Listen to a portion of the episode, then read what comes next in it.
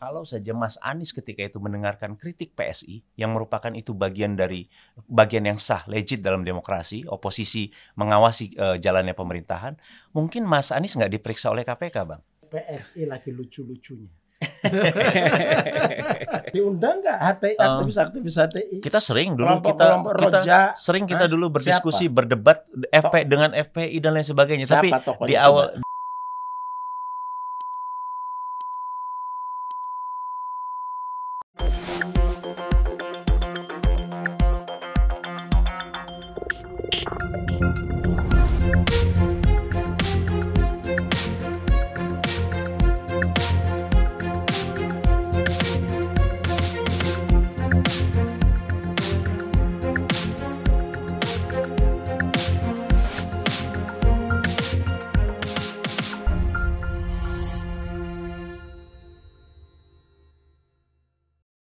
Bismillahirrahmanirrahim.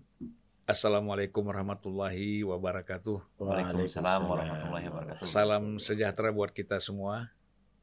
Selamat datang Gus Coy. Makasih. Nah, nama aslinya Effendi Hoiri. Nah, terus selamat datang juga Mas Andi Budiman. Terima kasih ya. Bang Zulfan sudah diundang. Ya. Kalau Gus Coy ini sampai sekarang masih sampai sekarang.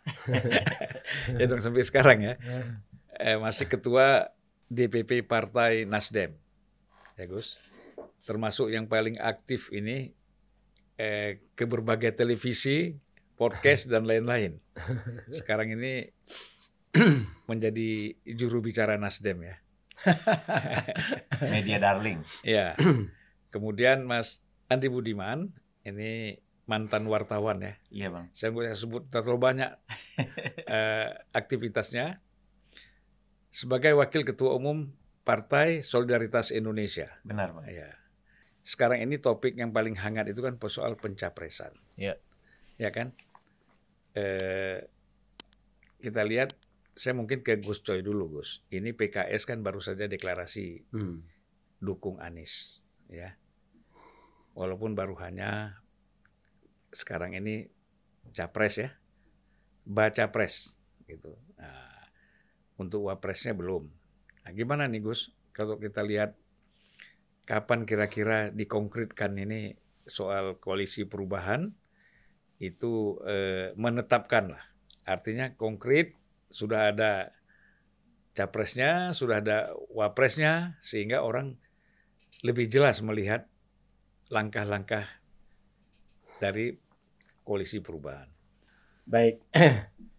Jadi Alhamdulillah Nasdem dengan partai-partai yang bersimpati sama Mas Anies Rashid Baswedan telah menyatakan dukungannya secara terbuka sehingga secara uh, persyaratan telah memenuhi syarat 20 yeah. persen ya uh, lebih sekitar 28 persen sekian uh, ini bagian dari ikhtiar politik Nasdem hmm.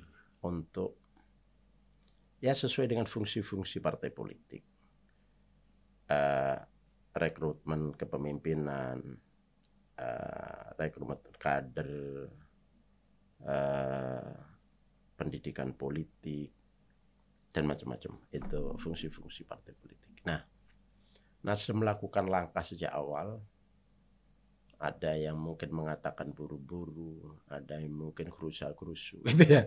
Atau mungkin terlalu cepat. Tapi memang eh, masing-masing uh, punya standar. Pak Surya, Bang Zulfan ini kan uh, orang yang paling dekat dengan Pak Surya. Itu tahu persis bagaimana Pak Surya ya.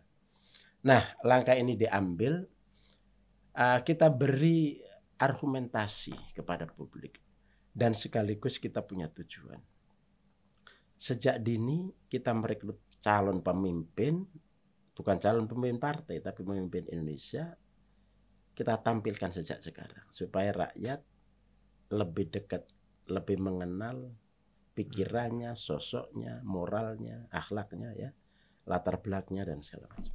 Itu bagian-bagian dari uh, argumen yang kita siapkan.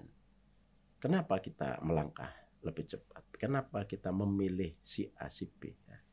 Itu itu ada tentu saja ada argumen-argumennya. Nah, ini juga sekaligus untuk pendidikan politik, ini juga sekaligus untuk memberi pilihan-pilihan kepada rakyat.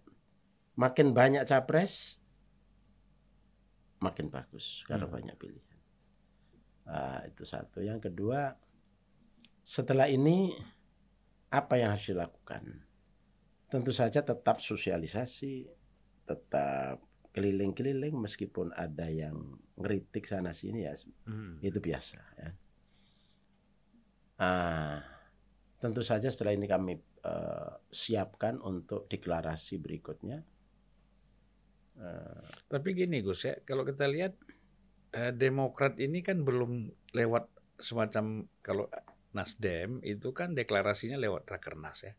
Ya kemudian PKS juga dengan Rakernas. Nah ini hmm. Demokrat kan belum nih, baru lisannya eh, AHY ya, tapi belum satu keputusan organisasi. Apakah apa apa ini cukup kira-kira?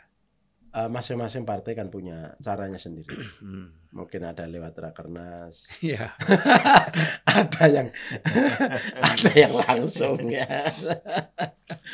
PKS agak rupet ya hmm. berjenjang-jenjang gitu kan yeah. lewat rapat ini Dewan Syuro lewat hmm. Rakernas ya iya, masing-masing yeah, yeah. punya ini punya kedaulatannya sendiri jadi hmm. kami menganggap sudah cukup nah kalau uh, karena itu statement kan terbuka dan ditandatangani kan hmm. resmi tertulis gitu ya Tinggal nanti kita buat satu formulasi deklarasi bersama, ada poin-poin mengapa kita mendukung. Berarti sudah ada wapresnya nanti ya, kalau deklarasi bersama ya? Belum tentu. Belum tentu nah, juga. Soal wapres bisa saja pertimbangannya kita lihat partainya Mas Andi Budiman ini nyalonkan siapa gitu kan.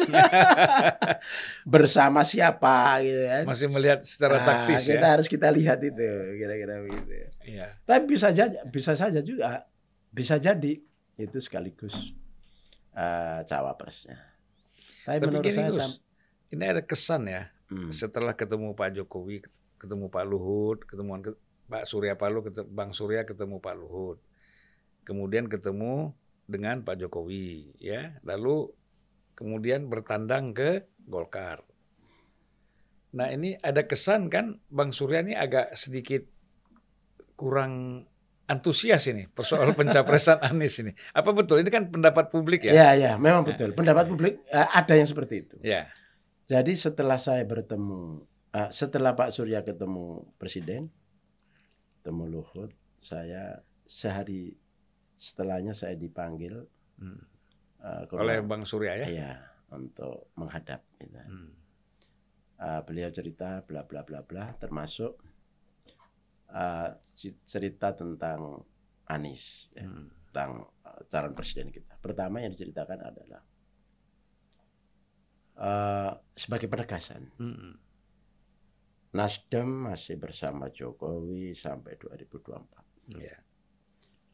Uh, pemerintahan kita masih harus tetap dukung 2024. Hmm. Terus saya tanya, ada reshuffle apa enggak? Hmm. 50-50. itu jawaban yang paling diplomatis. 50-50. Ya, itu terserah presiden. Ya, itu. Yeah, yeah. Terus urusan uh, urusan capres gimana? Lah, sekali apa istilah pemuda Pancasila itu? Ya pokoknya ini tetap Anies. tetap Anies, tetap Anies.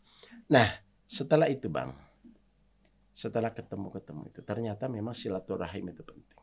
Hmm.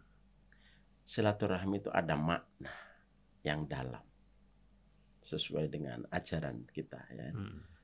Bukan hanya soal uh, memperpanjang umur, memperpa memperbanyak rezeki, tapi makna di balik itu rezeki itu luas. Salah satunya adalah memberi pengertian atau menimbulkan pengertian.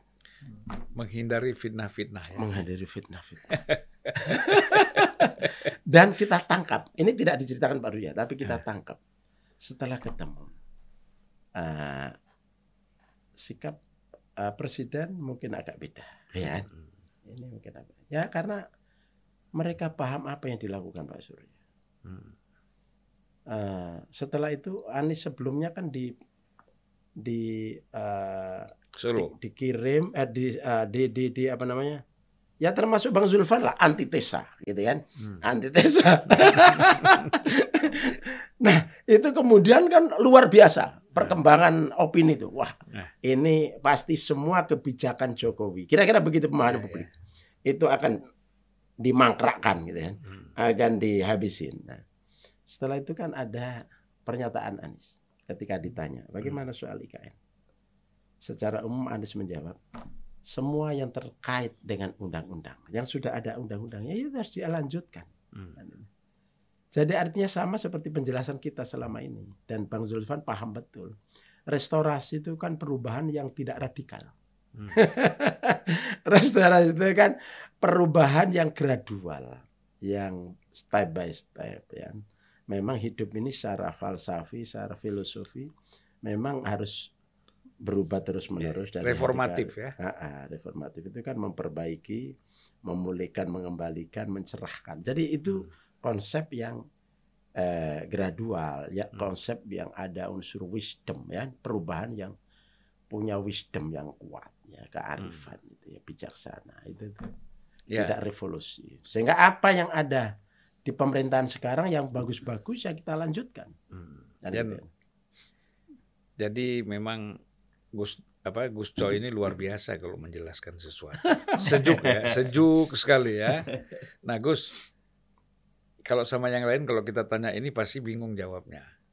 Tapi kalau Gus Coy ini sekarang kan yang lagi salah satu yang rame juga dianggap bahwa dengan pemanggilan sekjen eh, apa sekjen Nasdem ya Pak Ma, eh, kakak Joni G. Plate ya.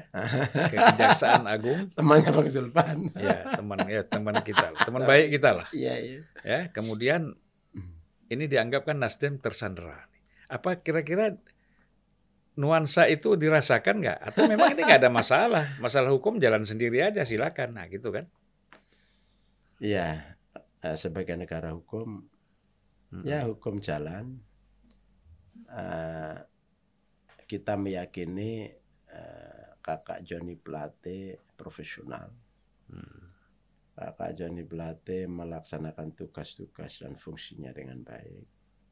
Amanat yang diberikan partai dilaksanakan dengan baik. Semoga seperti itu. Ya, ya, ya. Tapi ketika ada kesalahan-kesalahan, ya kita negara hukum ya sudah proses hukum sesuai dengan aturan yang ada. Kita tidak bisa menghalangi. Ya dan kita tidak boleh membabi buta membela orang yang salah. Hmm. Dan pengalaman dari Nasdem kan setiap orang yang terjebak kasus hukum kan langsung diberhentikan. Betul, ya, langsung Itu kan bupati, gubernur atau siapa pun betul, ya. Betul, betul, betul. Kalau misalnya ini belum diberhentikan dari sekjen, berarti belum ada masalah.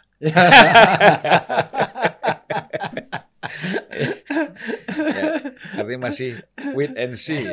masih wait and see ya mudah-mudahan semuanya berjalan dengan baik. Ya, Saya sekarang kepada Bung Andi Budiman ya. Ini sekali lagi sebagai wakil ketua umum PSI. Sekarang belum masuk parlemen ya. Belum, Pak. Tapi katanya ada 80 orang DPRD-nya ya. Apanya? DPRD. DPRD-nya kita ada 71, Bang. 71 ya. ya. Ya udah lumayan lah. Ya kan? Ada daerah yang sudah bisa mencalonkan bupati dan gubernur ya. Uh, doakan bang. Bung Andi, ya. nah bagaimana nih dengan nasib pencapresan Ganjar ini? Kan ini kelihatan Pak Jokowi kemarin ngomongnya Prabowo, ya, kemudian PDIP belum memutuskan, tetapi terus terang saja PSI ini paling depan ini ya. untuk nampaknya eh, mendukung Ganjar sebagai capres, tetapi belum berani secara resmi karena takut sama seniornya katanya. Itu PDIP ya. Gitu ya Bang. Ya? Nah gimana nih? Ya terima kasih Bang Zulfan. Jadi uh, ini memang proses yang uh, kami jalankan sejak beberapa waktu yang lalu ya. Jadi awalnya itu uh, DPP PSI itu minta uh, struktur di bawah yaitu Dewan Pengurus Wilayah di tingkat provinsi dan Dewan Pengurus Daerah di tingkat kabupaten kota itu untuk menjaring nama-nama tokoh yang dianggap layak untuk dicalonkan hmm. PSI sebagai calon presiden. Jadi yeah. mereka kami minta ketemu tokoh masyarakat lokal lah uh, ada tokoh agama, tokoh uh, budaya dan lain sebagainya ya di tingkat lokal. Dari situ kemudian uh, mereka uh, mencalonkan atau menominasikan sejumlah nama kepada DPP. Hmm. Ada sembilan waktu itu bang nama yang masuk ke DPP PSI. Hmm. Dari mulai ada Pak Ganjar, ada Pak Erick Thohir, Pak Mahfud, ada Ibu Sri Mulyani, ada Najwa Sihab hmm. dan lain sebagainya. Ada sembilan nama. Nah kemudian dari sembilan nama itu kita uh, umumkan kepada publik. Ini adalah nama-nama uh, tokoh masyarakat yang merupakan aspirasi dari bawah yang hmm. akan dicalonkan oleh PSI sebagai calon presiden. Nah, kemudian kami minta kepada publik untuk uh, memilih melalui online, Bang. Hmm. Uh, siapa yang paling pantas untuk didukung oleh PSI untuk menjadi calon presiden di 2024. Hmm. Jadi mekanismenya seperti itu. Kita umumkan, kita publish uh, atau, uh, melalui voting di online, dan setelah itu kami tutup uh, proses voting itu uh, menjelang menjelang November tahun lalu ya. Dan hasilnya memang dari awal itu cukup konsisten. Mas Ganjar itu leading lebih dari 50% selalu konsisten hmm. uh, leading di antara kandidat yang lain ya. Dari situ kemudian kami umumkan uh, nama Mas Ganjar hmm. sebagai calon presiden. Jadi sebetulnya itu adalah mekanisme yang kami buat dari bawah menjaring pendapat masyarakat tentang hmm. siapa yang paling pantas dicalonkan oleh PSI sebagai calon presiden. Dan pada saat itulah kami mengumumkan nama Mas Ganjar dan alhamdulillah sambutan dari internal PSI-nya kuat dalam artian ini disambut baik ya. Hmm. Mungkin karena dari segi hati nurani cocok. Eh, pemilih-pemilih PSI merasa cocok dengan profil Mas Ganjar sebagai kandidat uh, dari Partai Solidaritas Indonesia. Nah, itulah uh, asal mula munculnya nama yeah, Mas Ganjar. Adapun uh, nama Mbak Yeni itu merupakan uh, diskresi dari DPP ya. Jadi kami uh, waktu itu berpikir Kalau Mbak Yeni itu secara pribadi juga Gus Coy setuju. Ya, setuju Mas. Pribadi bukan so, partai. Ya. Iya, betul. Jadi eh, waktu itu kita uh, berpikir siapa uh, kandidat yang pas mendampingi sosok Mas Ganjar ya. Mas Ganjar kan dikenal sebagai sosok nasionalis ya. Hmm. Sebagai kepala daerah yang sukses juga membangun daerah, hmm. kemudian politisi yang punya rekam jejak bagus juga, nilainya sama dengan PSI. Nah, ini harus ada tokoh lain yang komplementer, yang saling saling melengkapi. Hmm. Dan dari situ kami melihat ada nama Mbak Yeni. Hmm. Kenapa Mbak Yeni? Mbak Yeni ini uh, cocok dengan sebagai Mas Ganjar wakil ya? sebagai wakil ha. waktu itu. Mbak Yeni ini uh, sebagai uh, seorang uh, perempuan ini punya profil yang sangat luar biasa. Pertama, uh, beliau lulus Harvard ya, punya jaringan internasional dan dihormati di dunia internasional sering menjadi pembicara, diundang dan lain sebagainya dalam forum-forum internasional hmm. terkait dengan isu-isu tentang Islam dan perdamaian, tentang toleransi. Ini kualitas yang sangat baik. Kemudian eh, Mbak Yeni sendiri adalah perempuan, jadi itu penting uh, untuk memperlihatkan atau uh, wajah Indonesia yang semakin maju, ada keseimbangan, ada sikap hmm. hormat terhadap kepemimpinan perempuan. Jadi ini cocok sekali. Kemudian juga Mbak Yeni itu mewakili sosok uh, Islam moderat. Hmm. Jadi ini uh, adalah upaya untuk uh, mengurangi uh, tensi atau ketegangan uh, karena polarisasi ya. Jadi jadi kami menganggap sosok Mbak Yeni ini adalah kandidat yang paling cocok untuk mendampingi Mas Ganjar. Itu juga pendapatnya Gus Coy. Mengapa Gus Coy itu salah satu yang dia usulkan sebagai wapresnya Anies itu adalah Mbak Yeni ya Gus ya. Iya. cocok dalam soal wapres kita cocok Gus. soal capresnya belum cocok ya. soal capresnya belum cocok. Aduh. Soal wapres kita cocok ini dengan Nah, Gus ini problemnya kan gini, Bung Andi ya. Nanti walaupun, walaupun bagaimana itu kan PSI ini masih dalam konteks pencalonan ya. eh, Mas Ganjar. Ini kan masih sangat bergantung kepada PDIP. Ya. Gitu ya. Nah, kalau PDIP sampai sekarang kan kita lihat belum menentukan sikap. Siapa yang akan dicalonkan oleh PDI Perjuangan terhadap calon presiden ini. Kan karena tergantung kepada Ibu Mega. Nampaknya sampai sekarang katanya sih bulan Juni Juli itu mau di launch tentang siapa yang calon Capres. presiden ini. Nah, nanti misalnya Juli ya, eh, ternyata PDIP tidak mencalonkan Ganjar. Ah, ini PSI ke mana nih? Iya kan? Apakah Anies atau ke Prabowo misalnya kan? Tentu dalam politik itu ada banyak jalan ya, Bang Zulfan ya. Hmm. Jadi uh, kita juga uh, penjajakan ya, ngobrol hmm. dengan uh, sejumlah partai lain juga. Kita sudah bertemu dengan Golkar, hmm. dengan uh, P3, dengan PAN untuk uh, yang tergabung dalam uh, KIB ya untuk bicara tentang siapa yang paling cocok untuk uh, dicalonkan. Jadi ini memang uh, salah satu langkah kami untuk membuka komunikasi politik dengan partai-partai lain untuk uh, bersama-sama uh, mencalonkan kandidat uh, orang yang memang diinginkan oleh publik kecuali kecuali Nasdem, PKS dan Demokrat udah nggak bisa nggak bisa lagi ya. Kalau misalnya kalau misalnya Nasdem uh, mendukung Mas Ganjar ya tentu bisa. ya, berarti bisa bersama-sama. Iya, ya. jadi memang ya. uh, kita, kemungkinan itu masih ada. Eh, masih dalam, ada. Dalam politik Betul. kan segala macam iya. kemungkinan ya. bisa ya. Ikan politik orang sebut sebagai seni membuat yang nggak mungkin itu menjadi mungkin. Jadi bisa sampai saat uh, pendaftaran akhir calon presiden tentu segala peluang itu masih terbuka. Yeah. Tapi yang jelas uh, menurut kami atau dalam pandangan PSI uh, eh, memang kita harus berupaya semaksimal mungkin berjuang sebisa mungkin, Bang. Agar bagaimana aspirasi dari bawah ini uh, bisa uh, apa ya, disalurkan atau diperjuangkan atau sama dengan apa yang dicalonkan oleh partai politik. Karena kalau dari berbagai survei kan memang jelas yeah. ya bahwa Mas Ganjar uh, adalah kandidat yang paling diinginkan sebagai calon presiden termasuk juga Mas Anies ya. Hmm. itu juga selalu ada di nomor dua atau nomor tiga setelah Pak Prabowo. Jadi sekali lagi partai politik dalam konteks ini menurut saya memang uh, harusnya uh, mendengarkan apa yang menjadi aspirasi masyarakat jadi jangan sampai uh, apa yang diinginkan oleh publik itu tidak bisa direalisasikan dalam politik karena itu akan berbahaya bang dalam jangka panjang. Kalau misalnya eh, orang-orang uh, yang diinginkan publik tadi tidak bisa maju, orang akan semakin kehilangan harapan pada politik orang akan semakin uh, skeptis hmm. karena berbagai survei juga misalnya memperlihatkan bahwa lembaga yang paling tidak dipercaya oleh publik itu saat ini adalah partai politik. Hmm. Itu atau kritik buat kita semua tentu ya Bang ya. Yeah. Jadi masyarakat mungkin menilai bahwa apa yang mereka harapkan dengan apa yang mereka dapat dari partai politik itu ada jarak yang jauh.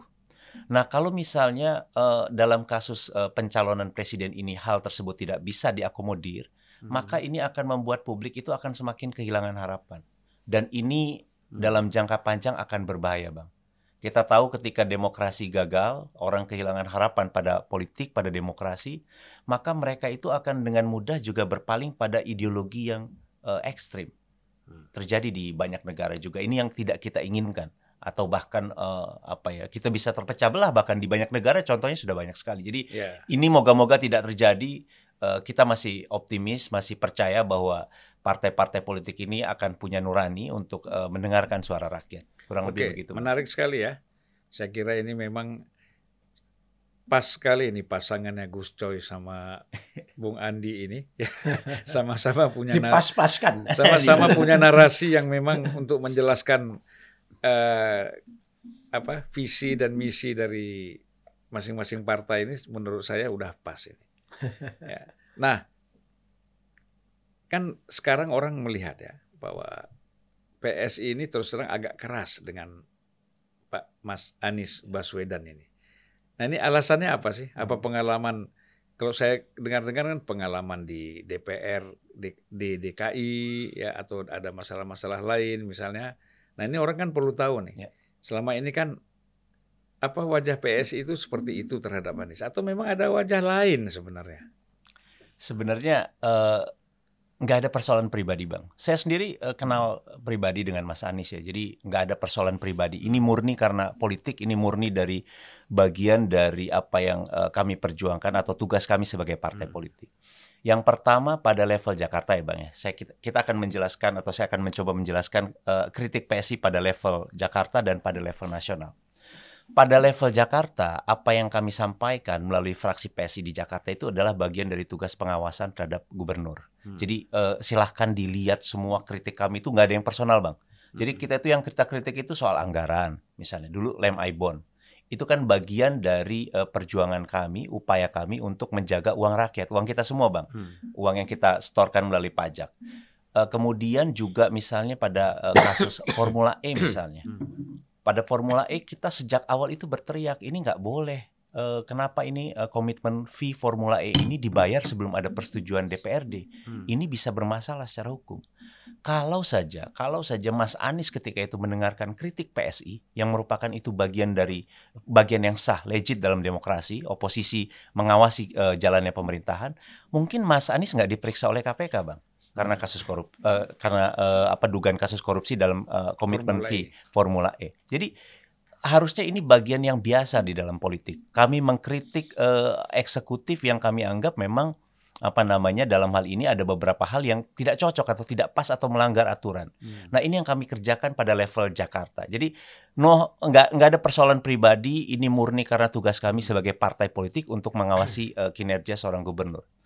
Nah mungkin orang juga bertanya kenapa Jakarta aja. Nah ini mungkin juga logika medianya ya bang ya. Dalam artian logika media itu adalah kalau kita lihat misalnya media uh, di Indonesia itu akumulasinya di Jakarta bang, 80 persen. Kalau hasil penelitian Common Ground itu 80% sumber informasi yang dikonsumsi oleh masyarakat Indonesia itu sumbernya dari media di Jakarta. Jadi memang informasi yang akan paling banyak muncul adalah informasi yang berasal dari Jakarta. Dalam dalam dalam konteks ini apa yang mereka lihat adalah antara PSI dengan Mas Anies. Yang kedua, Mas Anies sendiri sebagai sosok itu kan memang terkenal. Hmm. Sosok nasional meskipun Populer, gubernur populer. Jakarta betul, meskipun gubernur Jakarta tapi kan ini sosoknya sudah sosok Bahkan nasional. hasil-hasil su- survei mengatakan lebih tinggi dari Ganjar ya. Iya, popularitas ya, popularitas, bukan elektabilitas ya, iya, betul. popularitas. Jadi jadi memang eh, dari segi isu ini lebih menarik. Kita semua wartawan kita pasti eh, paham kenapa media men- eh, selalu tertarik kalau urusannya dengan PSI dan Mas Anies karena Mas Anies sendiri juga selain PSI-nya mungkin eh, apa kritis, Mas Anies sendiri adalah sosok yang terkenal Hmm. dan beritanya biasanya viral sehingga membuat media itu suka memberitakan eh, informasi tentang PSI dan Mas Anies. Itulah yang mungkin dibaca seolah-olah PSI hanya eh, kritik Mas Anies atau bicara tentang Mas Anies. Padahal anggota dewan kita di tempat lain melakukan hal yang sama, Bang. Hmm. Di Bandung misalnya, anggota legislatif PSI itu walk out kita, menolak eh, apa namanya anggaran dari wali kota yang kami anggap waktu itu eh, tahun lalu kami anggap itu anggarannya itu tidak berpihak kepada masyarakat. Banyak untuk fasilitas eh, pejabat daripada untuk membantu rakyat pada masa pandemi. Kita walk out waktu itu, Bang. Oke. Di Menarik ya. ya, Jadi kalau kita lihat jadi oposisinya tidak hanya di DKI, di tempat lain juga di di tempat lain. saya tambahkan sedikit tadi bang tentang level Jakarta itu yang kami kerjakan Hmm. Sementara pada level nasional kritik kami kepada Mas Anies itu harus dibaca sebagai bagian dari kritik sebuah partai politik terhadap seorang kandidat gitu loh Hmm. kandidat kan harus siap diuji bang Hmm. dalam artian apa yang menjadi rekam jejak apa yang dia lakukan Iya, dia iya. kerjakan itu kan apalagi waktu itu Mas Anies sudah menyampaikan atau ada intensi untuk mencalonkan diri sebagai calon Hmm. presiden, ada kekuatan-kekuatan atau partai politik yang menginginkan Mas Anies sebagai presiden. Nah, apa yang kami kritik, apa yang kami sampaikan ini kan bagian dari edukasi publik Iya. supaya publik menilai semua kandidat. Mas Ganjar juga kan eh, menerima hal yang sama, Hmm. mendapatkan kritik, eh, apa ya dinilai oleh orang itu resiko dari orang yang akan running, akan maju sebagai eh, seorang calon pemimpin. Iya. Jadi eh, itu adalah kritik yang biasa. Sekali lagi apa yang kami kerjakan eh, di Jakarta maupun pada level nasional itu tidak ada yang personal. Itu murni bagian dari eh, upaya PSI menjalankan fungsi atau tugas sebagai partai politik. Kurang lebih gitu, Bang. Tapi mungkin berbeda ya kalau saya lihat begini. Eh, sikap PSI itu kan lebih objektif ya sebagai partai politik. Cuma kan orang tahu ya kalau bicara Cokro TV atau apa 2045 ya. Eh, kita nggak ada kaitan dengan eh, Oh nggak ada ya? tidak ada. Oh itu bukan PSI Ya punya mungkin ya orang-orangnya mengisi atau beberapa teman PSI mengisi di kanal Oh, iya, tersebut, iya. Di- tapi ya, tapi sebagai- tidak ada kaitan secara struktural, Bang ya. Oh iya ya. Jadi ja- masing-masing lah ya. Ya. Supaya ini supaya jelas kan, jangan orang nganggap Teman ini- mungkin ini bisa dibilang ini kalau dalam eh, dunia gagasan mungkin eh, orang yang punya gagasan yang sama kemudian bertemu dan dipersepsikan sebagai kelompok yang Iya, sama gitu mungkin, Bang. Ya oke. Berarti clear ya. Nah, Jadi PS, eh, PSI lagi lucu-lucunya. ya belakangan kan kita mendengar juga banyak kader-kader PSI ya yang merapat ke eh, Anies Baswedan misalnya. Nah ini eh, bagaimana dalam eh, apa DPP PSI melihat ini? Kami eh, melihat ini adalah bagian eh, dari pendewasaan internal ya Bang ya. Dalam artian begini.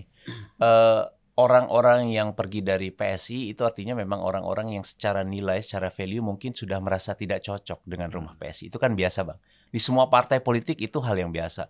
Dulu Bang Zulfan juga keluar dari satu partai pindah partai lain itu kan bagian dari uh, pilihan-pilihan personal yang mem me apa namanya yang memang uh, dibuat oleh masing-masing dan tanggung jawabnya juga masing-masing. Tapi yang jelas uh, PSI kita tetap konsisten pada apa yang menjadi garis uh, kami, garis perjuangan kami. Yang paling penting yang harus dilihat itu orang boleh datang dan pergi, tapi yang harus dinilai apakah nilai itu berubah atau tidak. Hmm. Dan kalau sejauh ini, Bang, uh, kami konsisten menjalankan amanah pada apa yang kami perjuangkan sejak awal, hmm. bahwa ada orang yang uh, berubah pikiran di tengah jalan itu tentu di luar kontrol kami. Hmm dan kita harus menghormati pilihan masing-masing orang karena ini bagian dari politik. Jadi yeah, secara yeah. pertemanan nggak ada masalah, kami masih berteman, bang. Memang uh, ini sudah beda jalan politik aja. Bahwa di tengah jalan kita berdebat, berdiskusi nggak apa-apa. Itu dalam politik kan biasa. Kita harus membiasakan diri juga dalam hmm. demokrasi ini untuk berbeda pendapat. Mungkin orang agak kaget ngelihat. Uh, termasuk soal gaya ya bang ya. Orang banyak ngelihat gaya PSI kok beda gitu ya. Kayaknya uh, konfrontatif dan sebagainya. Mungkin ini gaya anak muda seperti itu ya bang ya? hmm. lebih terbuka apa yang ada dipikirkan nggak di di pikiran tuh nggak disembunyikan hmm. jadi apa yang dilihat tuh itu yang didapat tidak ada yang berarti saya masih muda eh, masih muda bang Zulfan kalau bang Zulfan ini senior muda senior Gus Coy juga begitu yeah. jadi sekali lagi ya uh, uh, orang keluar masuk dalam di partai politik itu uh, biasa bukan hanya PSI di semua partai itu terjadi yang harus diukur atau dinilai oleh publik apakah partainya berubah apa enggak Ya. Gitu loh. Jadi itu yang mungkin akan menjadi dasar ya, kepercayaan orang. orang kembali kepada bukan person ya, ya. kembali kepada value. value. Gus, ini kan hasil hasil survei Litbang Kompas hmm. yang baru beberapa hari ya.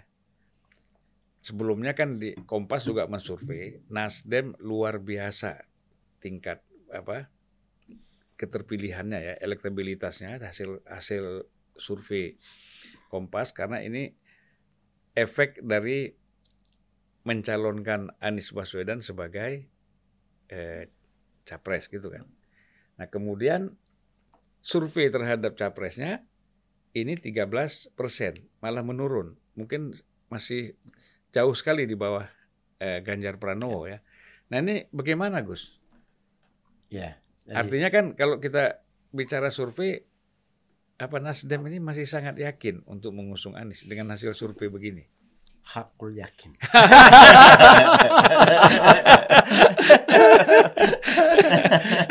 Aduh. Jadi yakin, Ainul yakin, hakul yakin. Hakul yakin. Waduh, yakin, level yang tertinggi. Karena ini sudah menjadi ijtihad. Yang ya. kita yakini uh, pilihannya ini pilihan ya memang dalam politik atau dalam hidup ini apa yang kita yakini hmm. kan ada relatifnya. Ya. Ya. Masing-masing ada kebenaran, ada kelemahan. Hmm. Gini bang, jadi survei-survei ini sudah terpublikasi secara luas. Memang Nasdem setelah uh, mendukung Anies, Mas Anies itu di banyak provinsi memang naik.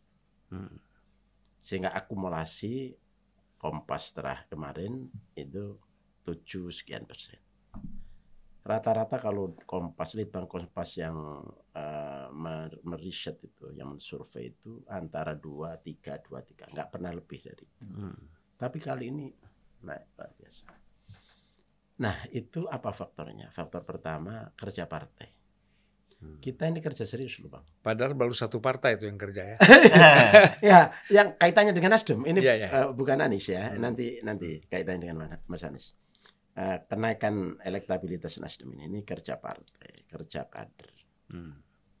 Uh, penataan struktur ini kan terus menerus kita lakukan. Hmm. Nah, kaitannya dengan uh, Mas Anies tentu saja ada berkah dari pencalonan Nasdem kepada Mas Anies itu. Di mana-mana, di mana wilayah-wilayah yang kita naik secara nasional seperti itu, tapi secara provinsi itu kenaikannya ada, lebih dahsyat lagi. Hmm. Misalnya DKI, dulu kira-kira enam bulan yang lalu sebelum kita mendukung Mas Anies itu sekitar tiga persen. Sekarang DKI 14 persen. Hmm. Di bawah PDIP. Jadi PDIP 22, Nasdem sekitar 14. Banten, karena ini wilayah tugas saya, kan? Hmm. Saya ketua di bidang ini Banten yang sebelum Mas Anies kita calonkan itu hanya tiga persen. Sekarang 13,8 persen kenaikan. Di luar Jawa, kecuali beberapa daerah uh, seperti Sulawesi mungkin agak menurun. Hmm. Sulawesi uh, sorry Sulawesi Utara ya. Kemudian NTT, Bali, kan. selebihnya naik semua. Hmm. Jawa Tengah, Jawa Barat juga naik semua. Hmm. Jawa Tengah agak ke bawah. Hmm. Jawa Timur relatif stabil. Hmm. Nah, secara nasional sehingga ada kenaikan. Jadi ada keberkahan di situ ya. Mudah-mudahan ini bertahan bahkan naik sampai pemilu 2024 yang akan datang.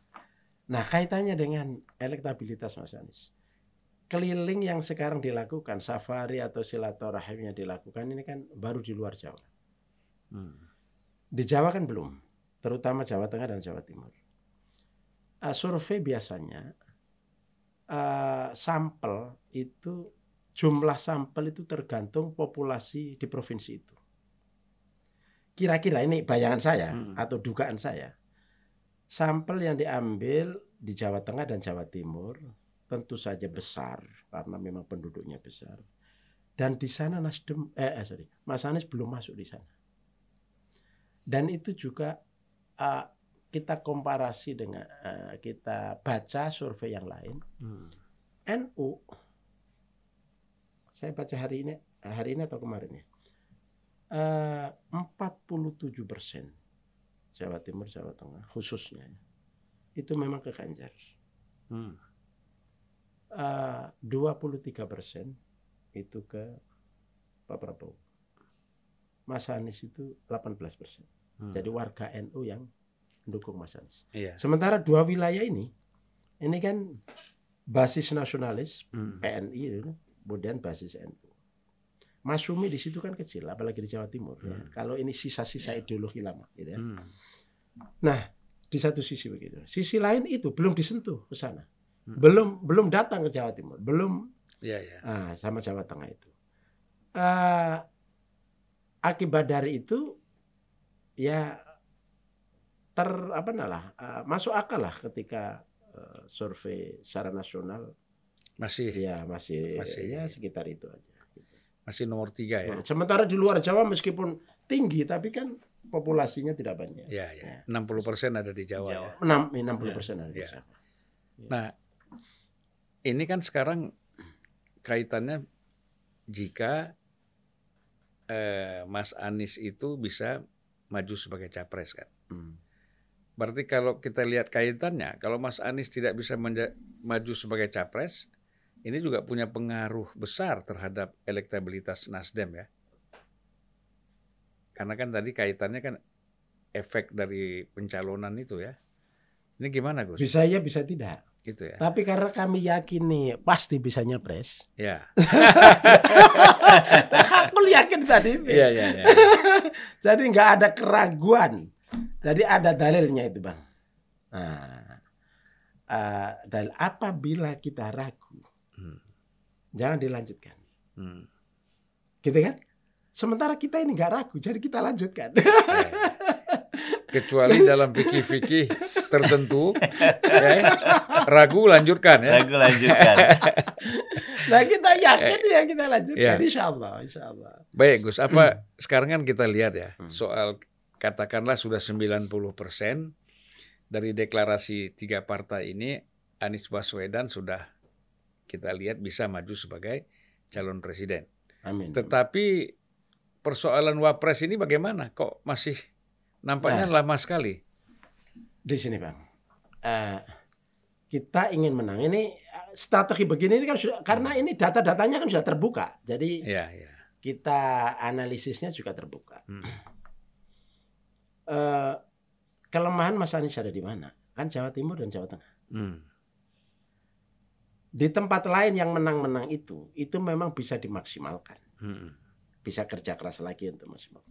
Dalam pikiran kami paling tidak saya, gitu kan, paling tidak saya kekurangan Jawa Timur Jawa Tengah maka uh, meskipun soal wapres sepenuhnya diserahkan kepada Mas Anies, hmm. tapi kita ini boleh mengasuhkan nama-nama hmm. yang sekiranya itu bisa untuk mendongkrak suara.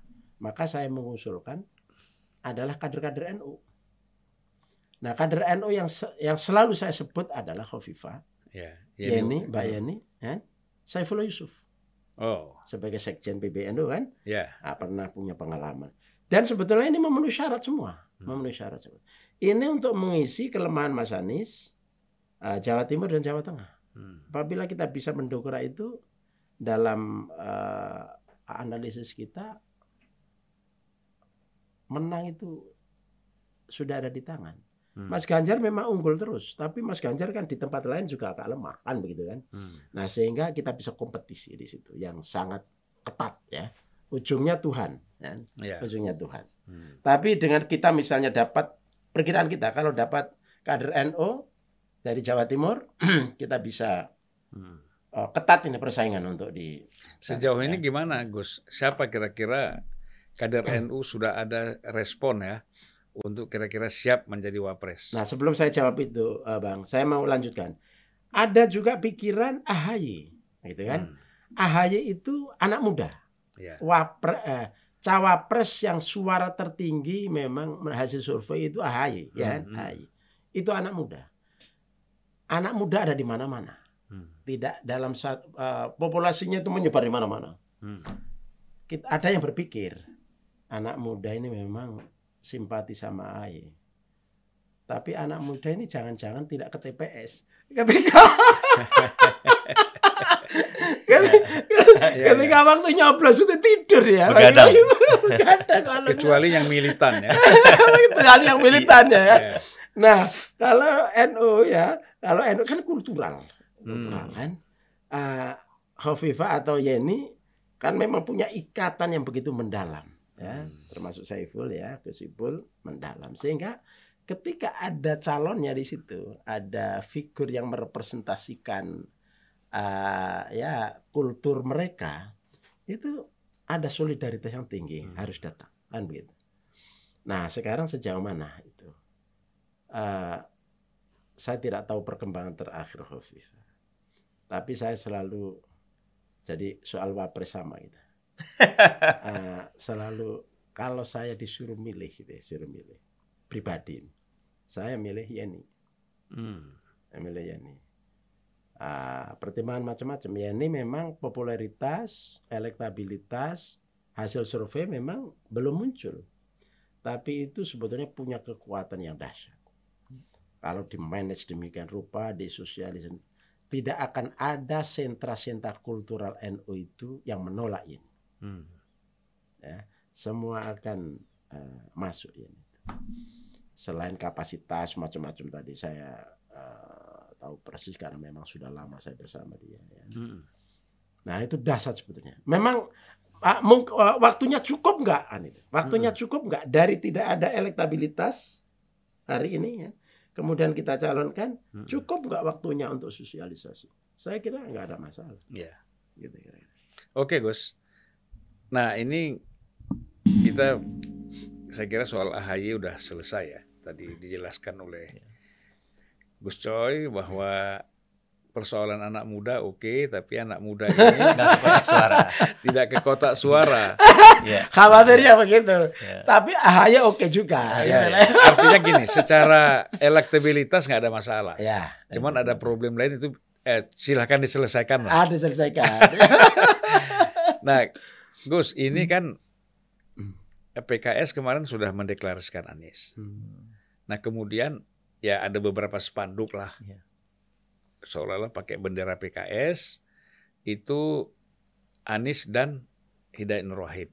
Hmm. Tapi karena itu bukan keputusan partai, tentu tidak menjadi pertimbangan. Ini kan riak-riak gelombang dari bawah hmm. keinginan namanya ya. Hmm. E, para kader atau pendukung tuh silakan aja ya. Yeah.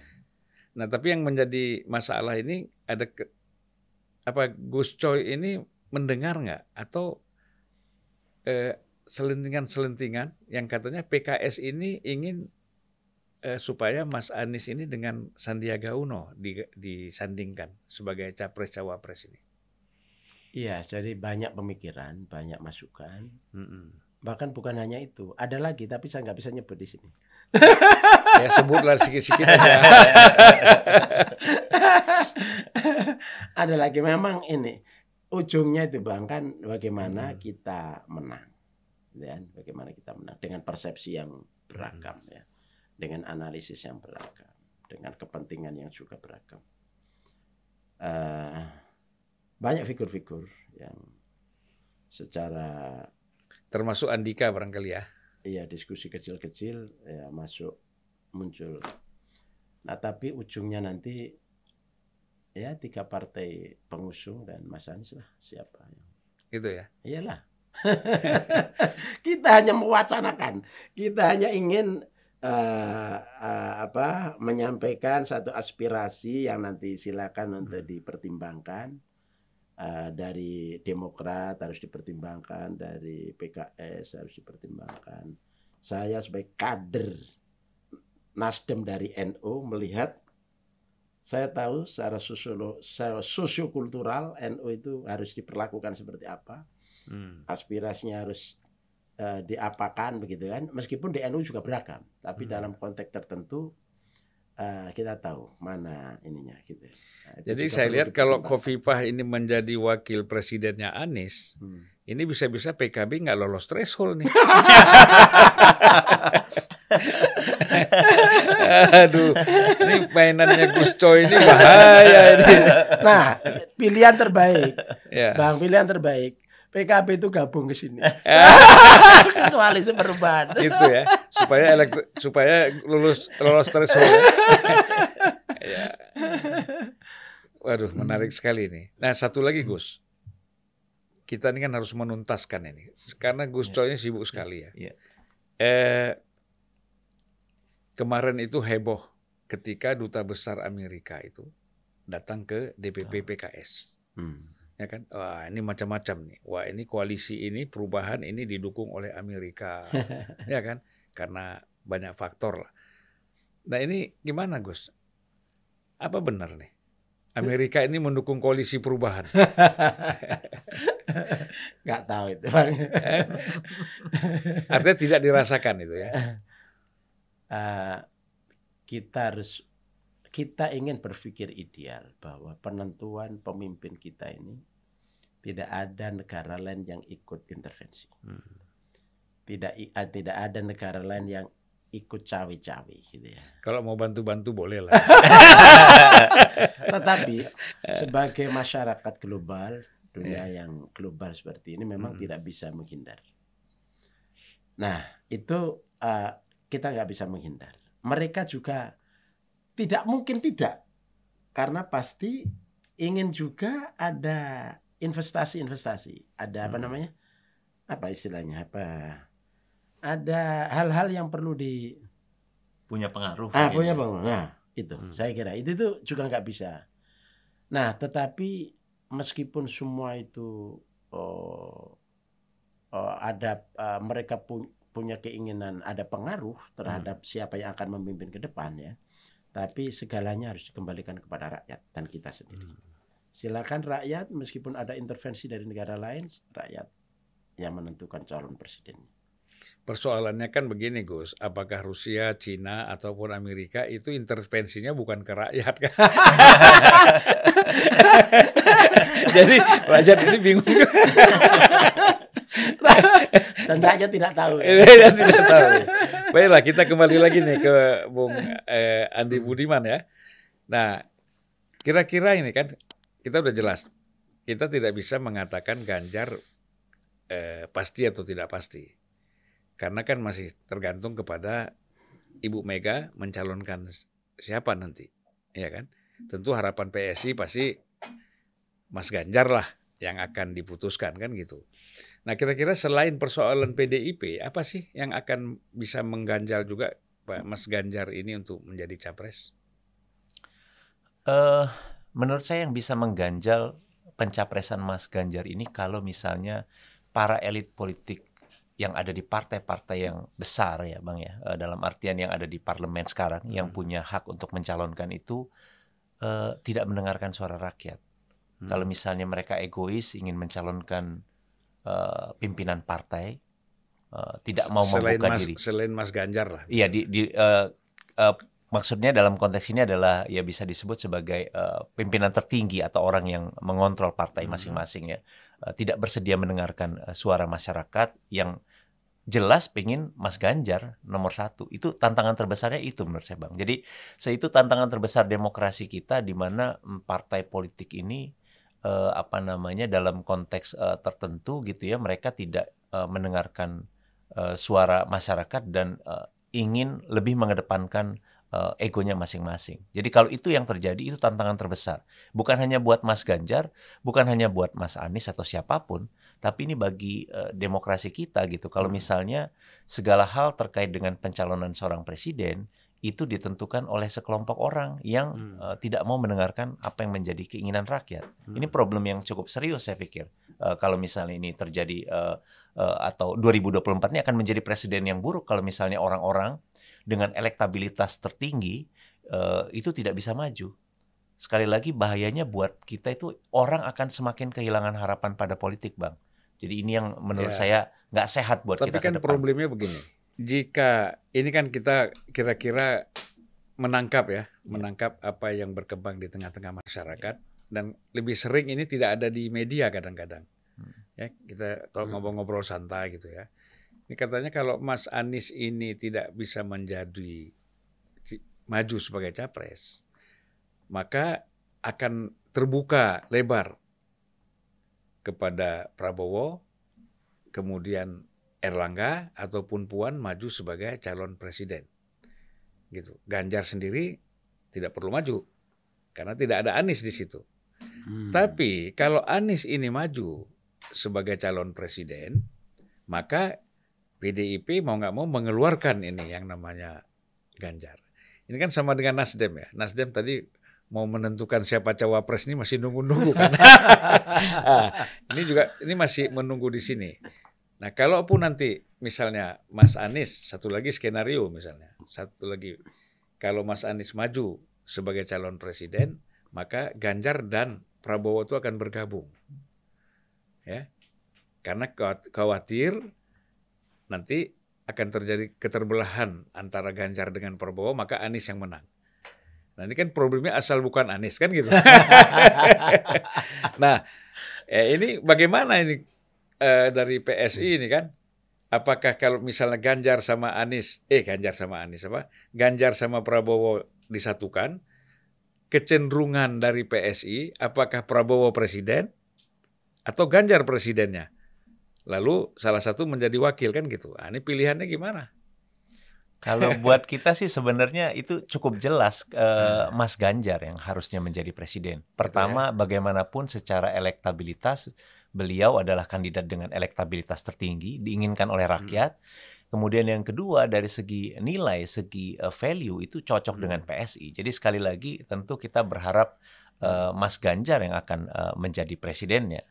Nah sebetulnya ini diskusi yang menarik sebenarnya Bang iya, Zulfan yeah, yeah. tadi ketika uh, Gus Coy juga bilang tentang uh, proses apa namanya proses uh, apa bagaimana basis-basis ideologi tadi di daerah itu berperan dalam uh, menentukan apa namanya yeah. uh, keterpilihan kandidat tadi ya Gus Coy bilang gitu ya.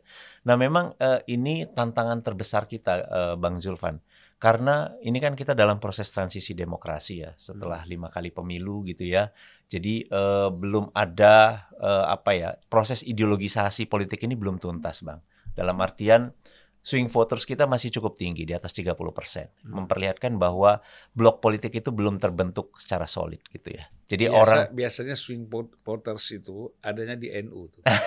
gitu ya bang. ya.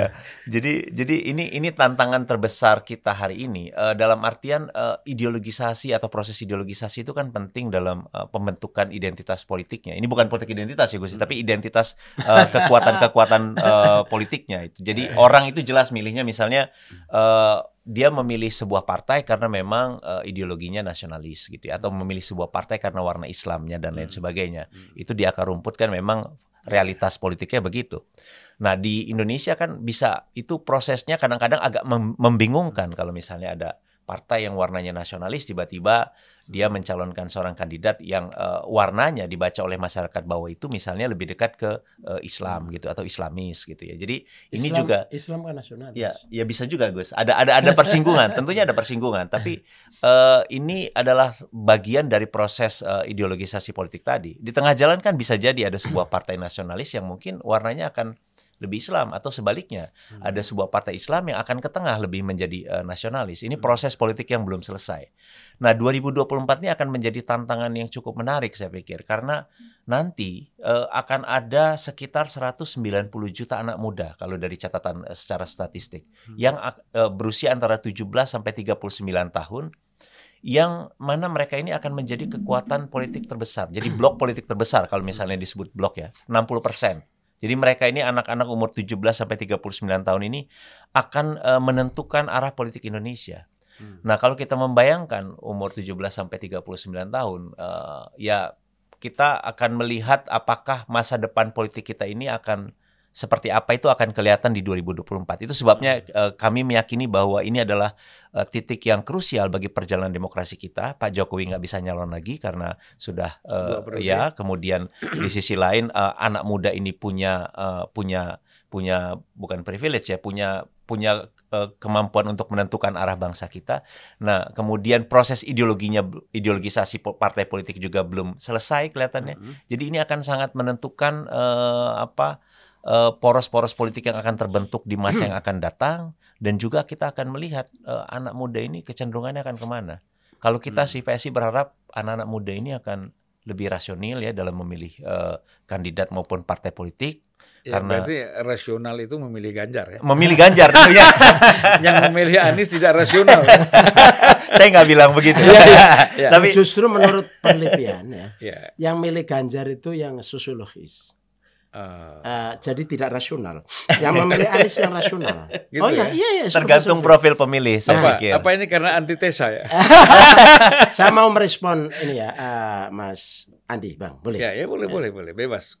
Jadi basis uh, politik kita itu kan sejarah. Sejarah kita beda dengan Amerika. Hmm. Kalau Amerika itu lahirnya partai-partai politik basis sejarahnya kan buruh dan industri. Hmm. Lahirlah kemudian uh, buruh ya Demokrat, uh, pengusaha, pengusaha Republik. Republik. Hmm. Perkembangan berikutnya memang ada partai varian-varian hmm. ya varian yang tidak bisa survive. Yang ya. survive hanya dua ini. Nah di Indonesia itu sejarah dan akan menjadi basis lahirnya partai-partai itu kan hanya ada dua hmm.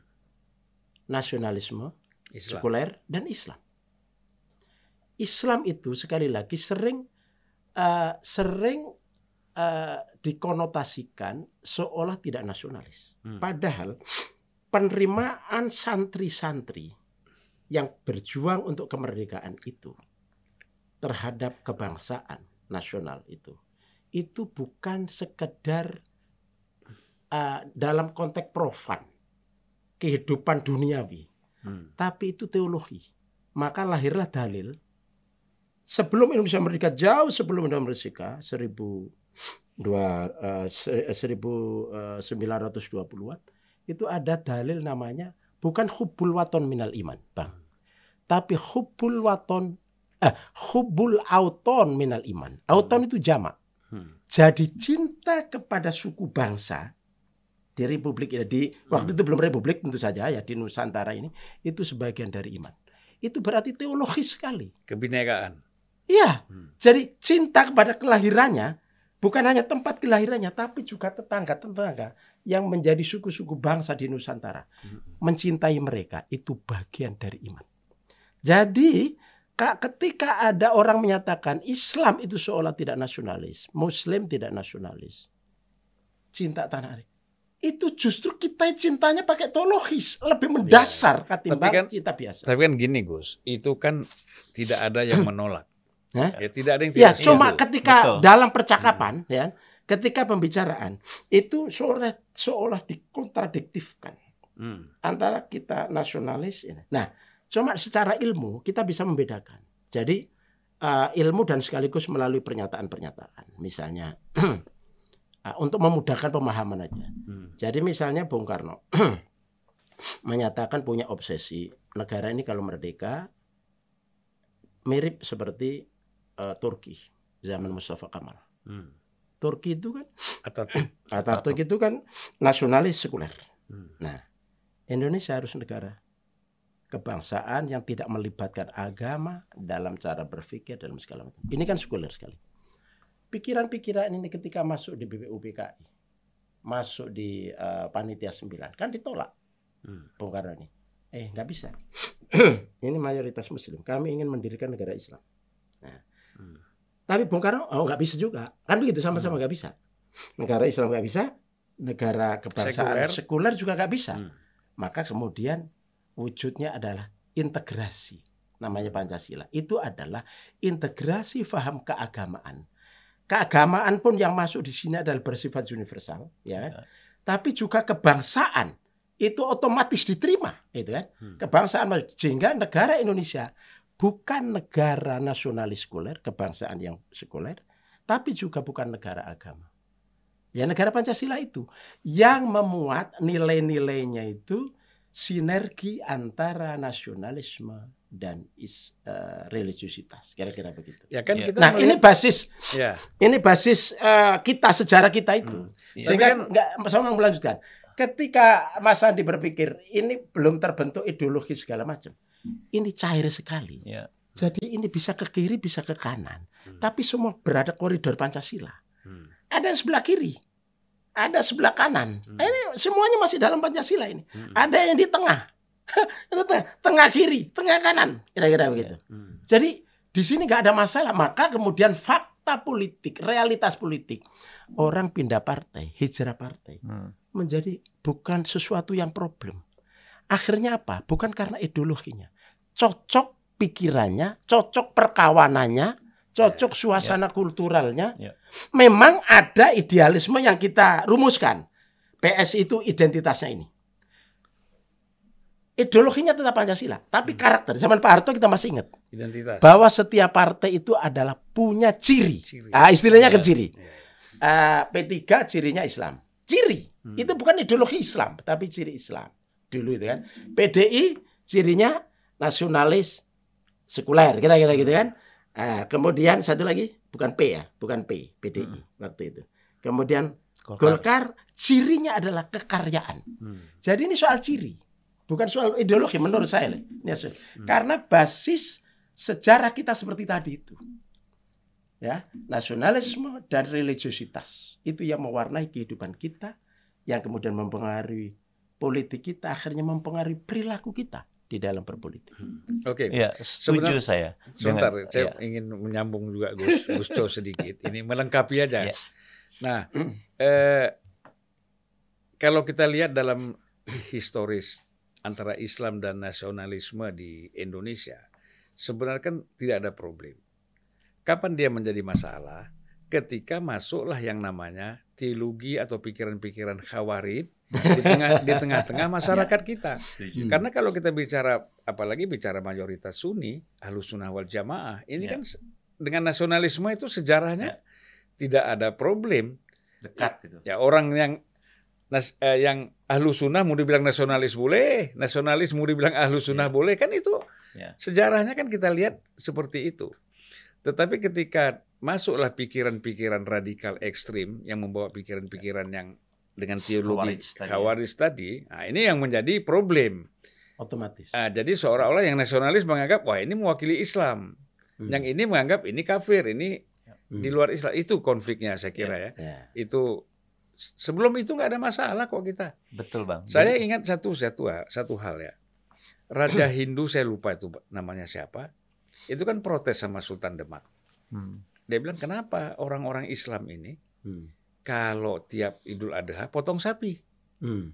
Ya kan? Hmm. Padahal sapi ini kan di ya. masyarakat Hindu sangat dihormati. Ya. Sultan Demak bilang, "Oke, okay, tahun depan seterusnya kudus, tidak kudus. Eh kudus ya. ya. Eh kudus. Kudus. Hmm. Jangan ada lagi pemotongan sapi. Hmm. hmm. Jadi kita potong kambing. Toh akhirnya itu raja ini bisa masuk Islam hmm. dan kawin dengan adik hmm. Sunan. Ya. Ya, kalau kita lihat di sini kan enak sekali ya. nih. Makanya pendekatan Wali Songo itu yang diteruskan Kultural. oleh ya yang diteruskan oleh tradisi Nahdlatul Ulama. Sehingga Islam itu masuk dengan sejuk dan damai. Ya. Nah ini sebenarnya kalau ini yang dikembangkan tidak ada problem betul. antara nasionalisme dengan Islam ya Gus. Ya iya betul. betul. Setuju Bang ya, Zulfan. Uh, saya setuju sekali ya karena sebetulnya kan kalau dilihat dari sejarah juga kan satu hari sebelum pidato Bung Karno di 1 Juni tahun 45 itu kan sebetulnya utusan-utusan Islam ketika itu adalah NU dan Muhammadiyah itu kan bertemu dengan Bung Hatta ketika itu. Dan ketika itu Bung Hatta berhasil meyakinkan mereka untuk menerima Pancasila sebagai common ground, sebagai dasar kehidupan bersama. Ini kan sebuah perjuangan yang panjang dan satu momentum yang sangat penting bagi Indonesia. Sehingga akhirnya pada tanggal 1 Juni ketika Bung Karno memaparkan gagasan tentang konsep Indonesia sebagai sebuah negara bangsa, bukan negara agama, ini semua kelompok bisa menerima. Itulah uh, momen yang uh, penting dalam sejarah Indonesia.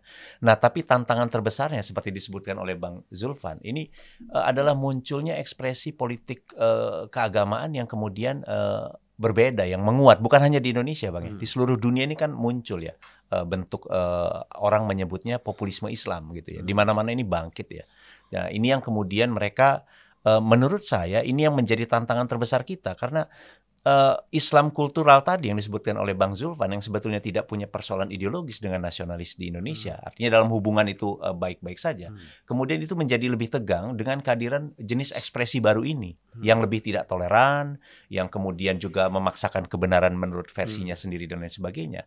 Inilah yang sebetulnya merupakan tantangan terbesar bagi persatuan kita, Gus Coy. Jadi dalam aspek itu yeah. saya sepakat bahwa Indonesia itu tidak pernah menjadi negara sekuler. Karena bagaimanapun agama dalam konteks ini Islam itu diadopsi oleh negara. Iya. Undang-undang perkawinan, undang-undang waris itu kan bentuk akomodasi negara terhadap uh, ide tentang uh, atau uh, tentang Islam gitu. Jadi tidak ada masalah dalam konteks itu.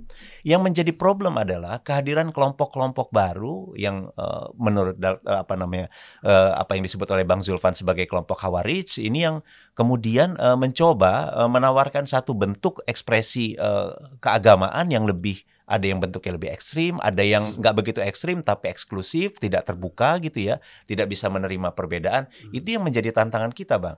Jadi menurut saya dalam konteks Indonesia hari ini uh, pertarungan atau polarisasi uh, yang terjadi saat ini di antara kekuatan-kekuatan kelompok ini itu hmm. Hmm, sudah dibaca oleh kelompok-kelompok yang uh, eksklusif yeah. tadi. Ini tantangan terbesar bagaimana umat Islam ini bisa uh, membuka uh, atau namanya uh, lebih terbuka matanya melihat mana uh, apa namanya kekuatan politik yang murni memang memperjuangkan mereka mana yang hanya menggunakan label itu saja untuk kepentingan politik jangka pendek gitu. Jadi ini yang uh, perlu uh, terus-menerus kita bicarakan, kita uh, sampaikan kepada masyarakat jangan salah pilih. Artinya kan kita mau milih mana uh, kalau dalam istilah itu cuma labelnya di luar saja atau substansinya yang selama ini terjadi kan substansinya sudah diterima oleh negara. Tidak ada masalah dalam aspek Apa itu. Apa calon ini ada yang jadi persoalan terkait dengan nasionalisme? Kalau dari calon, saya pikir tergantung bagaimana cara kita melihatnya ya. Misalnya, apakah ada calon yang dekat dengan kelompok-kelompok Khawarij? Itu juga jadi pertanyaan. Nah, di sini. Dan bagaimana mereka mengambil jarak dari kelompok-kelompok Khawarij tadi? Kalau dalam uh, pandangan saya, ini menjadi sebuah isu yang penting. Nah, Mas Andi, disebut khawarij atau HTI. HTI itu uh, dia dalam konteks uh, syariah dan akidahnya sebetulnya mengaku alusunnah. Hmm. Dalam konteks politiknya yang mungkin berbeda ya. Uh, seperti FPI itu alusunnah, tradisinya hmm. persis NU. Hmm. Dalam pilihan politiknya, cara berpolitiknya atau konsep politiknya itu mungkin yang agak berbeda. Tapi mereka juga mengakui Pancasila, ya. Jadi kalau ada kelompok-kelompok yang dianggap sebagai sebuah ancaman bagi Pancasila, hmm. uh, itu tugas kita, tugas negara. Pertama, mengapa lahir rakyat kita seperti ini? Hmm. Jangan ujuk-ujuk mereka kemudian menjadi hak, menjadi apa namanya kambing hitam kemudian kita tidak mengoreksi diri kita sendiri sebagai pemerintah, pemerintah ya, hmm. pemerintah. Kenapa? Mereka masih warga negara Indonesia, masih punya hak dipilih, hmm. masih uh, memilih. Itu tugas kita. Uh, kemudian tokoh-tokoh Muslim juga begitu uh, tanggung jawabnya. Kenapa aliran-aliran yang kira-kira mengganggu Pancasila itu bisa hidup? Hmm. Mengapa kok menarik ada masyarakat yang tertarik dengan itu, gitu ya? Kemudian ketika ada figur yang mungkin selalu dipersepsikan Anies yang dekat dengan mereka, ah, kawan-kawan lain harus juga melihat uh, mereka ini adalah warga negara Indonesia yang punya hak dipilih dan hak memilih. Hmm. Ketika kita misalnya dekat dengan mereka, boleh jadi kita punya misi. Hmm. Karena mereka sesama warga negara Indonesia, jangan dimusuhi. Hmm. Mereka harus pelan-pelan diedukasi. Hei, kalian itu hidup di Indonesia. Sejarah di Indonesia seperti ini. Hmm. Dalam konteks Islam, perjanjian untuk disepakati misalnya ideologi kita Pancasila, undang-undangnya dasar ini kemudian Bhinneka Tunggal Ika itu memang absolut itu adalah sunnatullah. Itu dan kita uh, sudah bersepakat ini menjadi sendi-sendi kita hidup berbangsa bernegara ini. Itu perjanjian bersama para founding fathers kita. Dan konsep Islam kita tidak boleh ingkar janji. Hmm. Berarti kita harus menunaikan janji ini. Tidak boleh mengkhianati. Nabi Muhammad membentuk Mithakul Madinah, perjanjian Madinah. Semua orang hidup boleh di situ. Kristen, Majusi, Nasrani, eh, apa namanya? Eh, Yahudi dan segala macam. Ketika ada yang berkhianat sesuai dengan perjanjian di situ dikeluarkan. Tapi sebelumnya tetap ada edukasi, ada dialog. Hmm. Nah, sekarang kelompok-kelompok yang kita anggap secara pemikiran adalah khawarij. Hmm. Secara pemikiran, ya. Hmm. Khawarij itu kan di luar, keluar dari mainstream besar. Hmm. Nasionalisme religius Indonesia ini. Hmm. Kalau nggak sekuler kan berarti Indonesia itu nasionalis religius hmm. atau religius nasionalis kan begitu kan? Nah itu berarti tugas kita. Tugas kita bersama bukan hanya Anies, bukan hanya Ganjar, bukan hanya Prabowo, semua bangsa ini. Presiden Jokowi. Nah apa yang kita rasakan? Maaf mas, apa yang kita rasakan? Kita diskusi sama mereka. Mereka itu kelompok yang selama ini tidak dipedulikan oleh negara. Hmm. Kelompok yang langsung kelihatan berbeda ditumpas, berbeda ditumpas. Tapi tidak ada edukasi. Padahal instrumen negara itu cukup untuk mengedukasi mereka. Ada anggaran, ada BIN, ada kemenak. Ya, apakah kemenak pernah mengajak dialog mereka? Hmm. Eh, kalian itu ideologinya di sini ya cocok. Kalaulah kita berbeda, jangan saling mengkafirkan. Kalaulah kita berbeda, jangan saling membid'ahkan. Dalam rangka kerukunan harmonitas. Karena demokrasi memungkinkan aliran itu ada, macam-macam itu. Tetapi dalam konteks Pancasila, dalam konteks harmonitas bangsa ini, dan mematuhi perjanjian, hmm. kesepakatan, ya, muahada watonia hmm. antar para penduk, uh, para pendiri bangsa ini. Kita generasi berikutnya itu nggak boleh mengotak atik itu. Kalau mengotak atik itu berarti perang, hmm. kan begitu kan? Itu nggak boleh. Mengotak atik itu berarti bubar negara kita ini. Nah, itu nggak boleh. Nah, itu kan harus ada penjelasan kepada mereka. Hmm. Ini yang tidak dilakukan oleh negara. Nah, ini apa yang saya sampaikan itu juga kritik kepada negara harus perhatikan mereka itu warga negara kita, ya, rakyat arti, Indonesia. Artinya kan begini, baik bagi Anies Baswedan atau sebagai cap, eh, baca pres, sebagai capres dan Nasdem bahwa kehadiran kelompok-kelompok seperti FPI, HTI itu bukan beban, Ya kan? Artinya ini kan menjadi suatu tugas. Tugas, ya, ya. betul. Tugas negara sebenarnya. Mereka warga negara, bukan anggota Nasdem. Hmm. Ya, artinya kan bukan warga Nasdem, warga negara. Jadi tugas negara. Hmm. Nah, sayap-sayap negara, instrumen-instrumen negara apa yang memungkinkan untuk menjauh mereka, menjangkau mereka terserah. Tapi kita sebagai masyarakat juga punya tanggung jawab untuk mendekati mereka. Ayo, oke, okay, you bersikap seperti itu, tapi Jangan mengotak-atik ideologi yang sudah kita sepakati. Ya. Mas Andi gimana?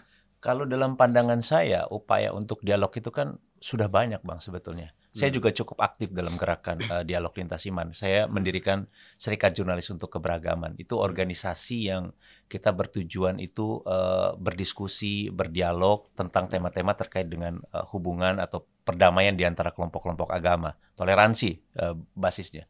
Jadi sudah sering, saya pikir ini bukan hal yang baru ya dalam artian Mereka diundang nggak HTI aktivis-aktivis HTI? Kita sering dulu kelompok, kita kelompok kita roja, sering kita dulu berdiskusi, siapa? berdebat FP dengan FPI dan lain sebagainya. Siapa Tapi di awal di awal-awal saya juga dulu sering diskusi sama uh, Habib Rizik dalam uh, konteks ini kita berdebat dan lain sebagainya dengan tokoh-tokoh yang lain dengan Munarman dan lain sebagainya. Tapi sekali lagi kan uh, ini siapa HTI? Uh, eh, HTI dulu saya dengan Ismail Yusanto beberapa kali bertemu juga, tapi dalam konteks ini saya mau bilang bahwa uh, upaya dari akar rumput untuk berdialog itu kan sudah dilakukan. Ini bukan sesuatu yang baru. Jadi upaya untuk membuka ruang itu sudah ada. Uh, saya tidak bisa mewakili pemerintah tentunya dalam hal ini bahwa pemerintah sudah membuka ruang, tapi kita tahu ada pada titik tertentu kelompok-kelompok Khawarij ini memang sudah punya ideologi yang keras. Jadi ini yang membuat uh, mereka sendiri sulit untuk uh, mengubah posisi uh, ideologi atau politik mereka, Bang. Jadi ini yang membuat uh, masalah menjadi uh, runyam dan muncul pertanyaan sebetulnya dalam hubungan-hubungan antara uh, kekuatan politik dengan kelompok Khawarij ini, siapa yang lebih diuntungkan? Siapa yang menjadi lebih besar? Siapa yang menjadi lebih kuat? Jangan-jangan kelompok-kelompok yang tadinya kecil ini, yang tadinya hanya ada di jalanan ini, menjadi lebih kuat ketika mereka bertemu dan klik dengan satu kekuatan politik mainstream. Nah, itu yang ditemukan oleh Markus Mitzner, eh, dosen atau Indonesianis dari Australia National University, yang menyebutkan bahwa ini di Indonesia sekarang eh, kasus yang eh, apa namanya untuk pertama kalinya uh, dalam sejarah kita kelompok-kelompok yang tadinya berada di pinggiran yang punya ekspresi lebih uh, ideologi lebih radikal lebih ekstrim tadi ini uh, bertemu dan menyatu dalam uh, beberapa momentum politik dengan uh, kekuatan politik mainstream. Dan uh, menurut uh, pandangan uh, beliau itu adalah sebuah fenomena yang uh, tidak begitu menggembirakan. Dan buat saya juga iya karena sekali lagi pertanyaannya yang lebih diuntungkan mana? Jangan-jangan uh, aliansi ini, unholy alliance ini, ini akan lebih menguntungkan kelompok-kelompok yang tadinya kecil ini menjadi ada kesempatan untuk rekrutmen menjadi besar, lebih dikenal oleh publik, diterima secara publik secara lebih luas dan lain sebagainya. Jadi pertanyaannya, kalau misalnya ini diklaim sebagai upaya untuk dakwah atau apa apa pun membuka ruang dialog, mengakomodir, pertanyaannya apakah itu bisa dan mungkin dengan ideologi yang begitu keras dan yang kemudian yang kedua, uh, siapa yang lebih diuntungkan? Jangan-jangan kelompok-kelompok ini kita akan melihat akan terjadi uh, makin meluas pengaruhnya di masyarakat. Dari berbagai survei sebetulnya itu sudah terjadi. Pertama saya kira memang yang membesar-besarkan adalah uh, ini karena era terbuka ya. Hmm. Media juga terbuka. Era digital. Mereka bisa menggunakan semua media ini hmm. seolah mereka besar. Padahal mungkin mereka kecil ya, kecil. Itu satu. Yang kedua, negara itu tidak boleh kehilangan akal. Hmm. Ya negara. Oke lah kelompok-kelompok masyarakat melakukan dialog-dialog segala macam. Tapi implikasi dampaknya segala macam kan karena masyarakat kecil juga yang melakukan ya dampaknya kecil. Tapi kalau negara itu jangan pernah berhenti dan jangan pernah jengah, jangan pernah hmm. putus asa untuk mengedukasi rakyatnya, warga negaranya dan kita punya pengalaman banyak. Punya pengalaman ketika ada DIE TII selesai. Ketika ada macam-macam problem. Kita ini menghadapi gangguan sejak merdeka itu tuh semua bisa diselesaikan. Nah, ya kelompok ini masa kita tidak bisa menyelesaikan gitu. Jadi kita tentu saja di dalam ya, hidup mungkin ini, begini Gus eh? salah satu cara menyelesaikan dibubarkan kan ah salah Dilarang, satu ya? kemarin ya, dibubarkan institusinya nah. ya, ya, ya institusinya tapi manusianya kan tetap sebagai warga negara yang hmm. sah seperti yang lain-lain juga nah ini kan seperti yang lain-lain juga nah yang harus disentuh ini kan kemanusiaannya bukan hanya organisasinya hmm. yang disentuh adalah kemanusiaannya kemudian diajak dialog yang yang yang yang berimbang yang secara keilmuan memang uh, terkait dengan keilmuan mereka secara ideologi terkait dengan mereka karena sumber mereka itu adalah sumber dari agama tapi mereka itu kan bukan hanya itu faktornya ada faktor mungkin ekonomi mungkin ada faktor-faktor yang lain dan itu semua negara harus melihat secara komprehensif. Hmm. Ketika ya. kita di Komisi Satu uh, dialog seperti ini uh, terus kita lakukan, kemudian kita minta pemerintah. Jadi pemerintah itu uh, pertama kan harus berpijak pada tujuan Indonesia.